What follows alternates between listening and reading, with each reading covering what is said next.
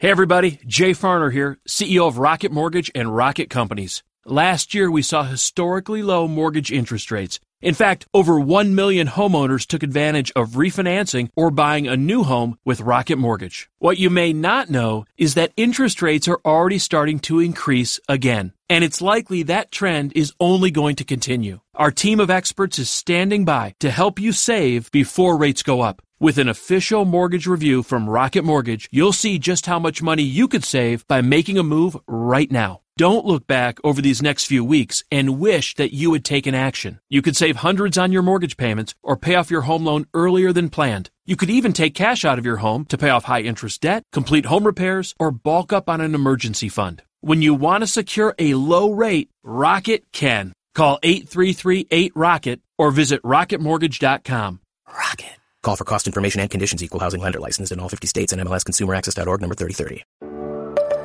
This is what matters most, and I'm Matt Popovits. Look, life is crazier than ever, and lots of people, maybe even you, are feeling anxious and overwhelmed. Today's message is designed to help you figure out what's most important and to experience the peace and joy that God intends for you. Because life is a gift, and it shouldn't be wasted on worry. I'd like to give you a resource, something to help you navigate the road ahead.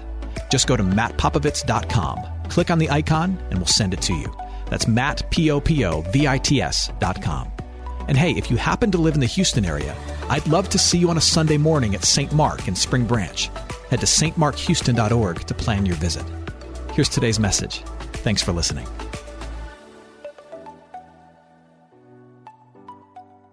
So, this morning we're continuing our teaching series called The Week That Saved the World, where we're taking this slow walk through the final week of Jesus' life. And today we, we get to the moment where Jesus is, he is, he's stripped naked, he is beaten, he is nailed to a cross, and he dies. Uh, this morning we look at the moment that we, we call Good Friday. It's a moment that is so profoundly important in human history and so, so essential to, to human salvation in the eyes of, of people of faith like us that it has been the subject of, of, just countless works of art and studied by millions upon millions of scholars. And on Good Friday and Easter, it will be celebrated by billions and billions of people. Uh, one of my favorite works of art depicting the crucifixion of Jesus is, is this one by Rembrandt, circa 1633. It's called The Raising of the Cross. And you see this, this crowd of people that's around Jesus lifting him up into position on the skull called, on the hill called Golgotha. And everyone in that picture is kind of complicit in the moment. You see the people in the middle who are hoisting Jesus up. You see the crowd around him who is, who is not actively stopping this moment. And you see the, the man in the background who is on a horse, who's got a sword out, and he's kind of directing the whole thing. This is what we're talking about today.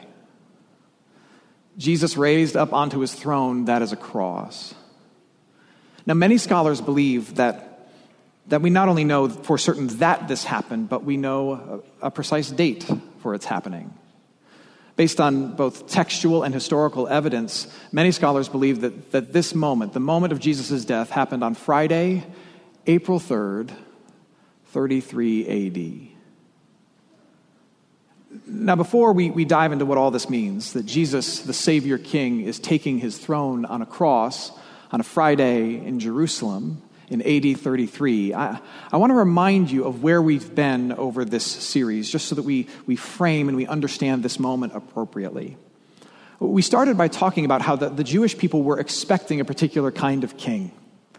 They were expecting someone who would come and bring back the glory days of King David who would restore their military power, who would restore some of the glory and beauty to that earthly kingdom, who'd be able to kick out the Romans, who were the occupying force in Jerusalem, and reestablish this, this beautiful, powerful earthly kingdom. And it had been prophesied and predicted that eventually someone would show up and they would be the next David, the great Savior King for God's earthly kingdom. And, and Jesus shows up on the first day of the, the last week of his life, that Sunday that we call Palm Sunday, which we will celebrate next week. And, and he, he puts all the pointing on him. He puts all the arrows on him. And he says, I'm that guy. I'm the long awaited Savior King. He enters in on a donkey and people are waving palm branches, and it's all to say, I'm the one that you've been waiting for. The only problem is when people start asking Jesus questions and interacting with him, he gives all the wrong answers. He says, Not only am I God's man, but I'm God in flesh, God's own son. Wrong answer. And not only does he say, I'm here to establish God's kingdom in beauty and glory, but he says, I'm here to bring God's heavenly kingdom to earth. It's a kingdom that is spiritual and eternal. Wrong answer. And so all the authority figures and all the people of prominence and influence in Jerusalem, they turn against him and they lead him down this path that will ultimately lead towards Jesus' death on Friday. But what we said at the beginning of this journey is that don't be deceived. Everything that's going to happen, Jesus wants to have happen because all of it will serve to accomplish his will and his work and his aims. He's up to something in all of this, and all of it will serve to tell the world the kind of king that he is and the nature of the kingdom that he's bringing forward. So you remember that Thursday night, Jesus had celebrated the Last Supper, and then all of a sudden in the Garden of Gethsemane, he is arrested. And he's, he's taken into custody by the Jewish leaders. Now, now, the Jewish leaders are the ones that Jesus, if he's, if he's to be the true Savior King, you would think he would need them on his side. The Jewish council, they were the kingmakers, so to speak. If there ever was a Savior King to come, they were the ones who were going to lift him up and anoint him as the king. And yet they come to Jesus and they arrest him and they accuse him of blasphemy. Jesus is arrested, and as he's getting ready to take part in what ultimately would be an unjust trial, we see in the story that Peter is lurking around. Peter, his, his, his member of the inner circle, his friend who had said, I will never, ever turn my back on you. You know this story. Peter said, I will never, ever deny you. And then Peter ultimately was like, I, I know I said you're my ride or die, but I'm totally going to deny you. and this is what happens in Mark chapter 14. This is the last half of, of Peter's denial of Jesus. It says Peter began to invoke a curse on himself and to swear as he's being confronted about his connection to this so called Savior King. He says, I do not know this man of whom you speak. Uh oh. And immediately the rooster crowed a second time, and Peter remembered how Jesus had said to him, Before the rooster crows twice, you will deny me three times. And Peter broke down and wept. You'd expect a king to have confidants and close friends. You'd expect a king to have an inner circle that he can count on, except for this king. This king is not only a king accused, but he is now, he is a king betrayed. And betrayal as well is a horrible feeling. And perhaps you've felt that one too. Betrayal is the spouse who made vows to you who starts an emotional affair with someone they work with. Betrayal is the best friend who, for whatever reason, it's a mystery to you, they just they fall off the face of the earth and they won't return your calls. And, and I know that some of you have felt that, and, and it hurts. And yet, and yet, what do we see? We see, we see Jesus here at the hands of Peter, he knows betrayal. He's a king accused, he's a king betrayed. After the betrayal of Peter, Jesus is, is taken over to Pontius Pilate. Pontius Pilate is, as we heard last week, he's, he's the Roman authority who has, who has the power to actually punish Jesus, uh, to put him to death if necessary. The Jewish people, though Jerusalem was a Jewish town, it was the, the capital of the Jewish faith, it was, it, was being, it was being run by Roman occupiers. And so, in order for anything to really get done, they had to get the sign off from the Roman authorities. And Pontius Pilate was the Roman authority who had to sign off on any official punishment that would happen to Jesus. And so Jesus is brought to Pontius Pilate, and he really doesn't want to put this Jewish rabbi to death. It's not a good look for him or for Rome. He really doesn't want that on his hands. And as we heard last week, he, he gives his accusers an option. He says, Look, I, I, I usually set one person free a year, and I'm going to give you the option to set Jesus free. Do you really, really want to put him to death? Uh, because if you don't, you can set him free, or you could set this truly horrible person named Barabbas free. And Pilate, I'm assuming, fully thinking that they're going to set Jesus free, that these very devout Jewish people are going to set the Jewish rabbi free, he puts this option in front of them, and to his surprise, the Jewish people look at the Jewish rabbi and they say, Crucify him. Free Barabbas, kill him. He's one of us, but we want him dead. Crucify him. Crucify him. Crucify him. His own people. I think it can be hard for us to grasp the, the depth of pain that Jesus must have felt at this particular moment. Demographers have been telling us for some time that, that Houston is now the most diverse city in the United States. You know that. It's one of only a handful of majority minority cities in the US, and it's, it's a beautiful thing. So, for example, if you go to like Hong Kong City Market downtown, or if you go to, um, if you go to like eat at a Pakistani restaurant in the Mahatma Gandhi district, if you were to go there and sit at like a Pakistani restaurant, what you would find is you would find these, these, these tight knit communities bound together by, by blood and tradition and family trees and unique culture, and they're bound together deeply and richly. Jesus was bound together into that kind of a community. And yet, and yet that community rejected him. That community said, we, we don't want any part of him. In order to be a king, bloodline is everything. The family tree is everything. The shared history, the common story is everything. It's what makes you king.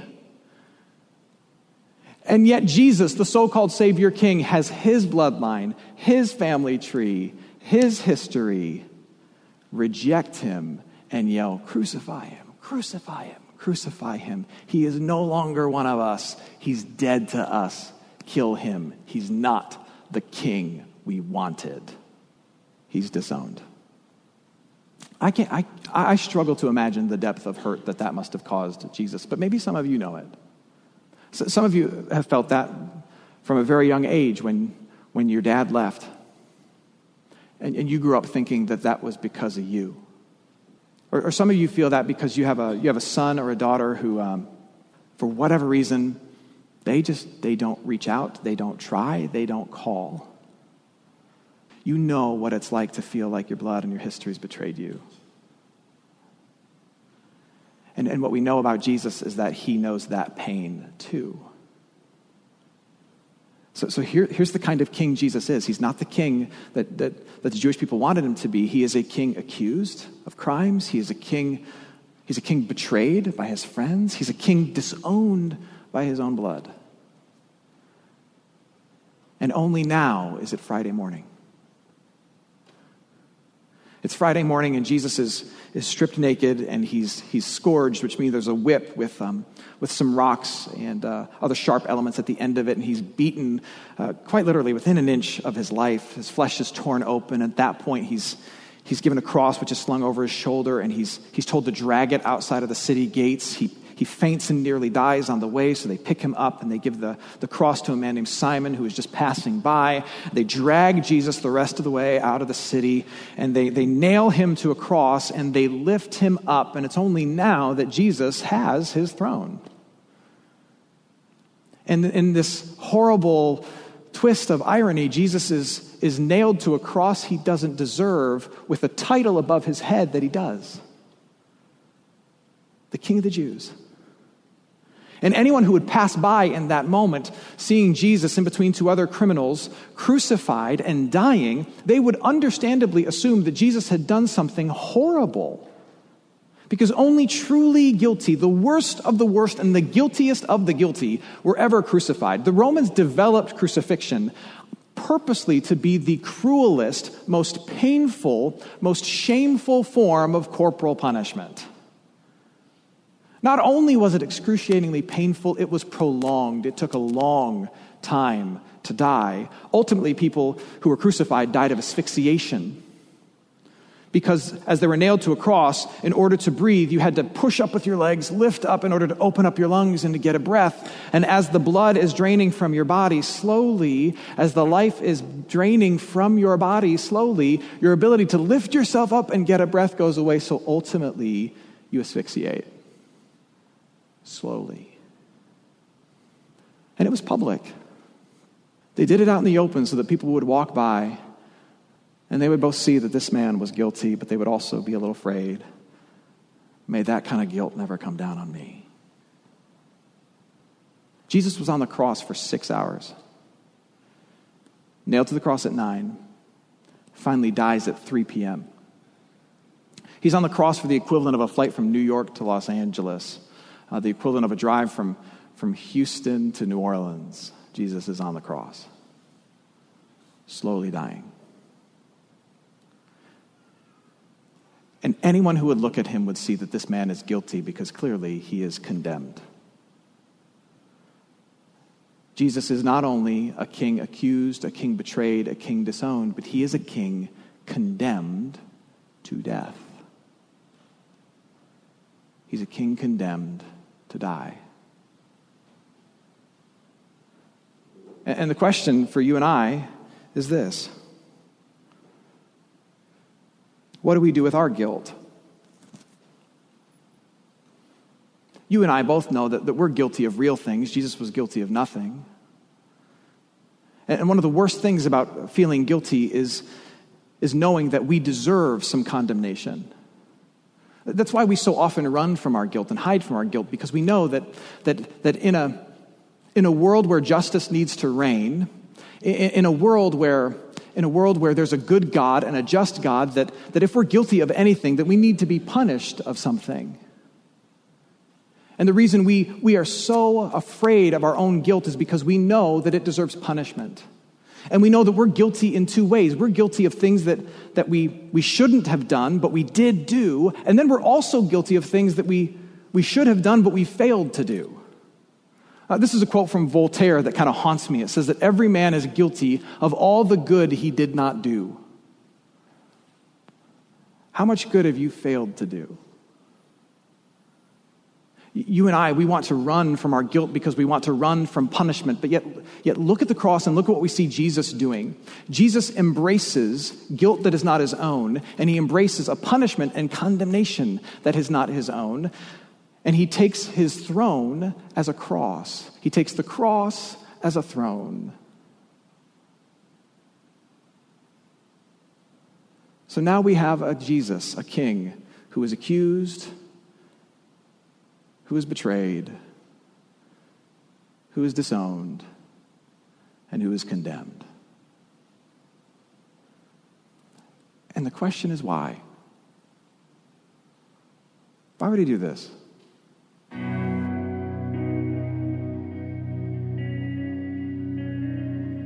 Hey, friends, it's Pastor Matt.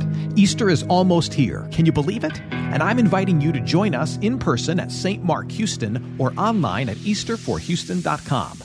Whether you join us at our campus in Spring Branch or stream our celebration to your couch, you'll find great music, a message that makes sense, and something special for the kids. For more info, head to easterforhouston.com. It's a celebration for the whole city from your friends at St. Mark Houston.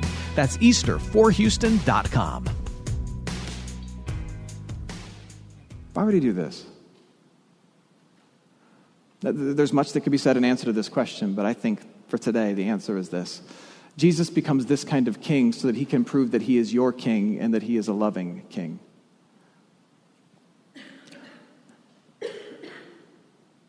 You know what it's like to be accused. You know what it's like to be betrayed. You know what it's like to have family and history fail you. You know that you are guilty. And yet, Jesus knows that you cannot stand underneath the weight of all those things. And so he decides to make his kingship, his lordship, his reign about facing all of those things for you. So that he might save you from the ill effects of all those things and more. That he might drain them of their power by having the full force of them put on him. And then he, having died at the weight of, under the weight of those things, might rise from them and show his power over them. So that any accusation, any betrayal, any disavowment, any guilt will not have an ultimate or last say over you because Jesus soaked all of its power and energy and he defeated it in his resurrection from the dead. And he promises that defeat to you. So he makes his entire life and his kingship about being accused and betrayed and disowned and guilty and condemned for you, to save you from those things. When Jesus entered into Jerusalem on Palm Sunday, people were waving palm branches, shouting, Hosanna, which means, Lord, save us.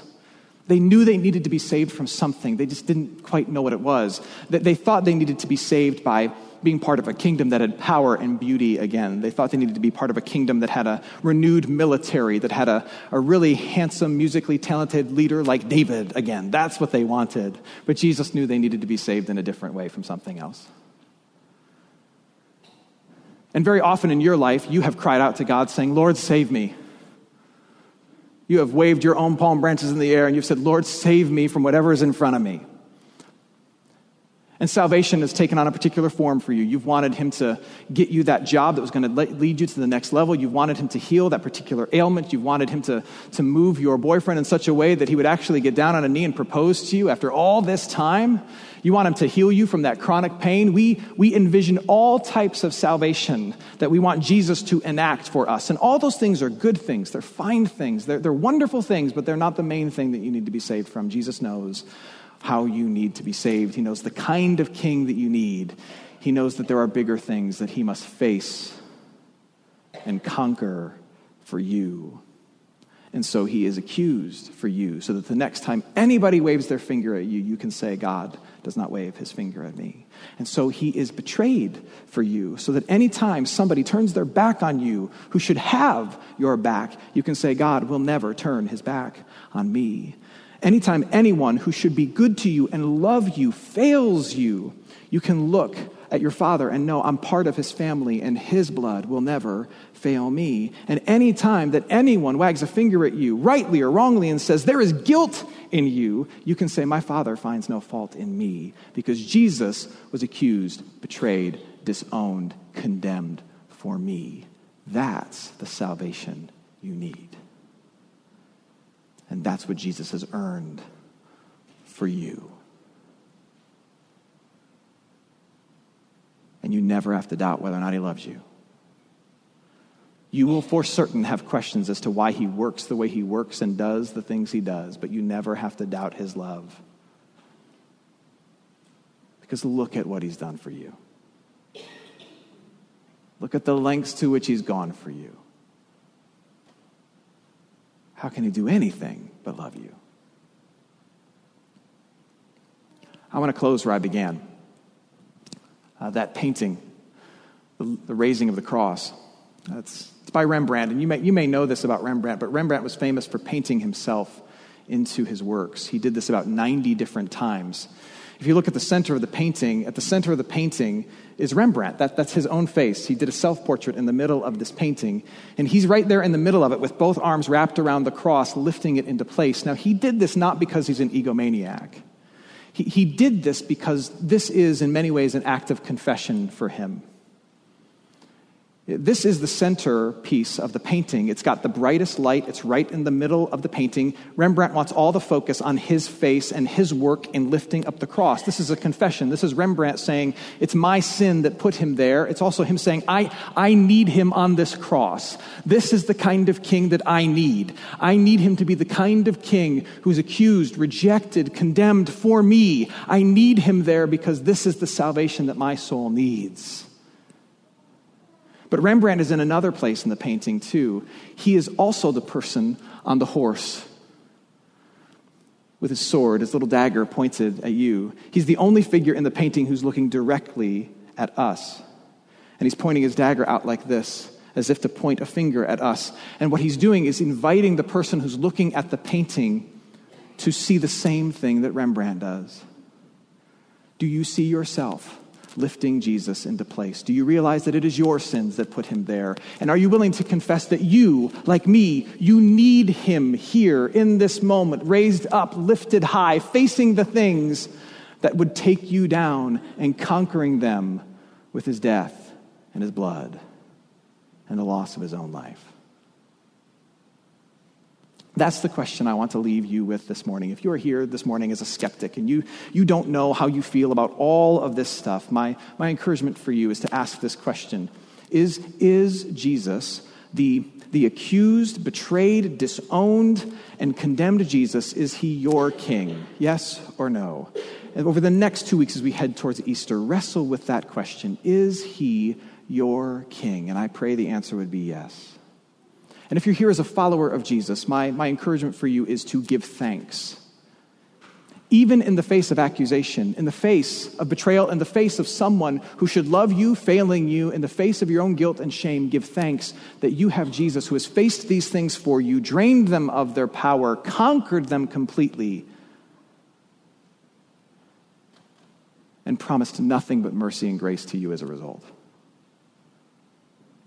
Give thanks. Hey, it's Matt. I hope you enjoyed what matters most. Here's what I need you to know life is a gift, and it shouldn't be wasted on worry. I want to help you figure out what's most important and to experience the peace and joy that God intends for you. So, for more content, you can head to mattpopovits.com. That's Matt, P O P O V I T S.com. There, you can also support this ministry as well as access your free resource, a little something to help you navigate the road ahead. I'd also love to see you on a Sunday morning. If you're in the Houston area, head to stmarkhouston.org to plan your visit. In the meantime, hit me up on Instagram at mpopovits or at facebook.com slash Matt Ministries. Thanks for listening. Now go and hold tight to what matters most.